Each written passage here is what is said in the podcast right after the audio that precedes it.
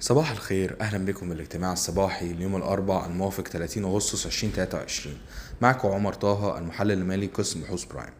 أول خبر macro إن أصدر مركز المعلومات ودعم اتخاذ القرار تقرير يوضح بالتفاصيل برنامج الطروحات الحكومية وأهدافها.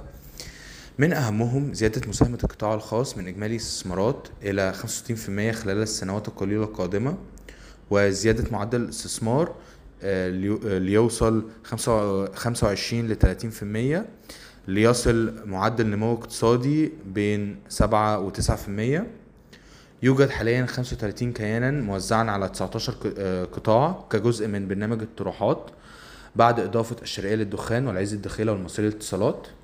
تخطط الحكومة الخروج تماما بنسبة 83% من- 83% من حصتها في القطاع الزراعي. الخروج تماما بنسبة 11% من حصتها في قطاع التكنولوجيا تكنولوجيا المعلومات والاتصالات والخروج تماما بنسبة 14% من حصتها في قطاع المياه والصرف. ستبدأ المرحلة الجاية من برنامج الطروحات في أكتوبر وتنتهي في يونيو 2024 آه، استهدافا آه، جمع 5 مليار دولار من بيع محطة توليد الطاقة بمنطقة جبل الزيت آه، محطات شركة وطنية شركة صافي محطة توليد الرياح بالزعفرانة محطة الك- آه، محطة كهرباء سيمنز ببني سويف وأربع محطات تحلية مياه الخبر الثاني إن يقال أن مصر تدرس آه، بيع ما لا يقل عن 40% من شركة حلوان الأسمدة لمستثمر استراتيجي والقيمة التقديرية للشركة تتجاوز 1.5 مليار دولار ونلاحظ أن أبو قير لديها حصة تبلغ 17% في حلوان الأسمدة. الخبر الثالث إن أكوا باور تعتزم استثمار 10 مليار دولار في مصر بحلول 2026 وتهدف استحواذ على 50% من سوق الطاقة المتجددة المصري.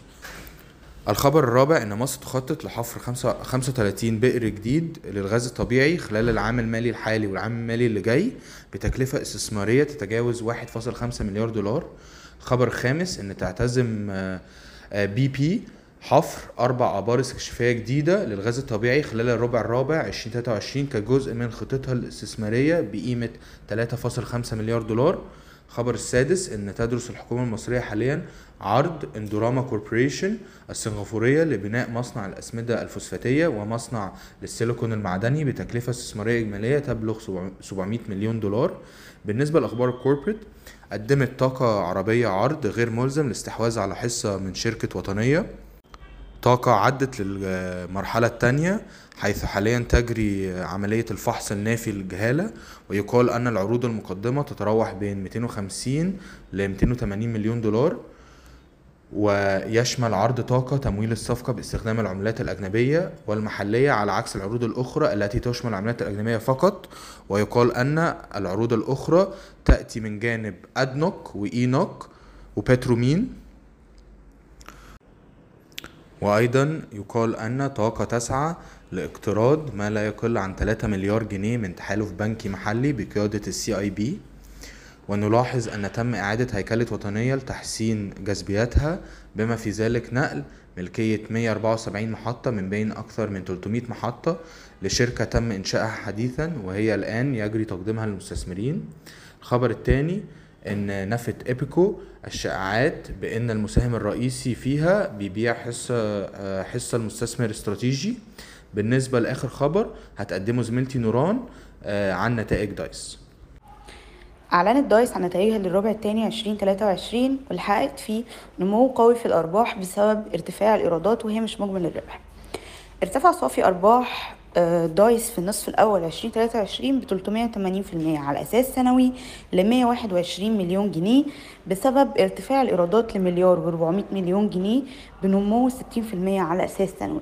وكمان توسع هامش مجمل الربح ب 12.5 نقطة مئوية على أساس سنوي ل 31% وفي الوقت نفسه ارتفع صافي أرباح الربع الثاني 2023 ب 225% على أساس سنوي ل 104 مليون جنيه بنمو 531% على أساس ربع سنوي وده بسبب ارتفاع الإيرادات ل 759 مليون جنيه بنمو 48% على أساس سنوي و10% على أساس ربع سنوي.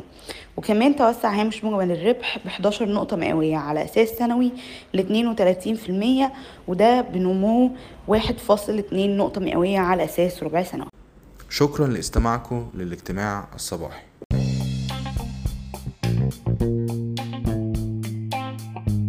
يرجى العلم أن هذا العرض هو لأغراض معرفية فقط ولا يمكن اعتباره عرض أو توصية شراء أو بيع أو إدارة استثمارات أو خدمات استشارية. ينصح باستشارة مستشارك المالي قبل اتخاذ أي قرار استثماري علما بأن الأداء التاريخي ليس مؤشرا يعتمد عليه لتحديد الأداء في المستقبل.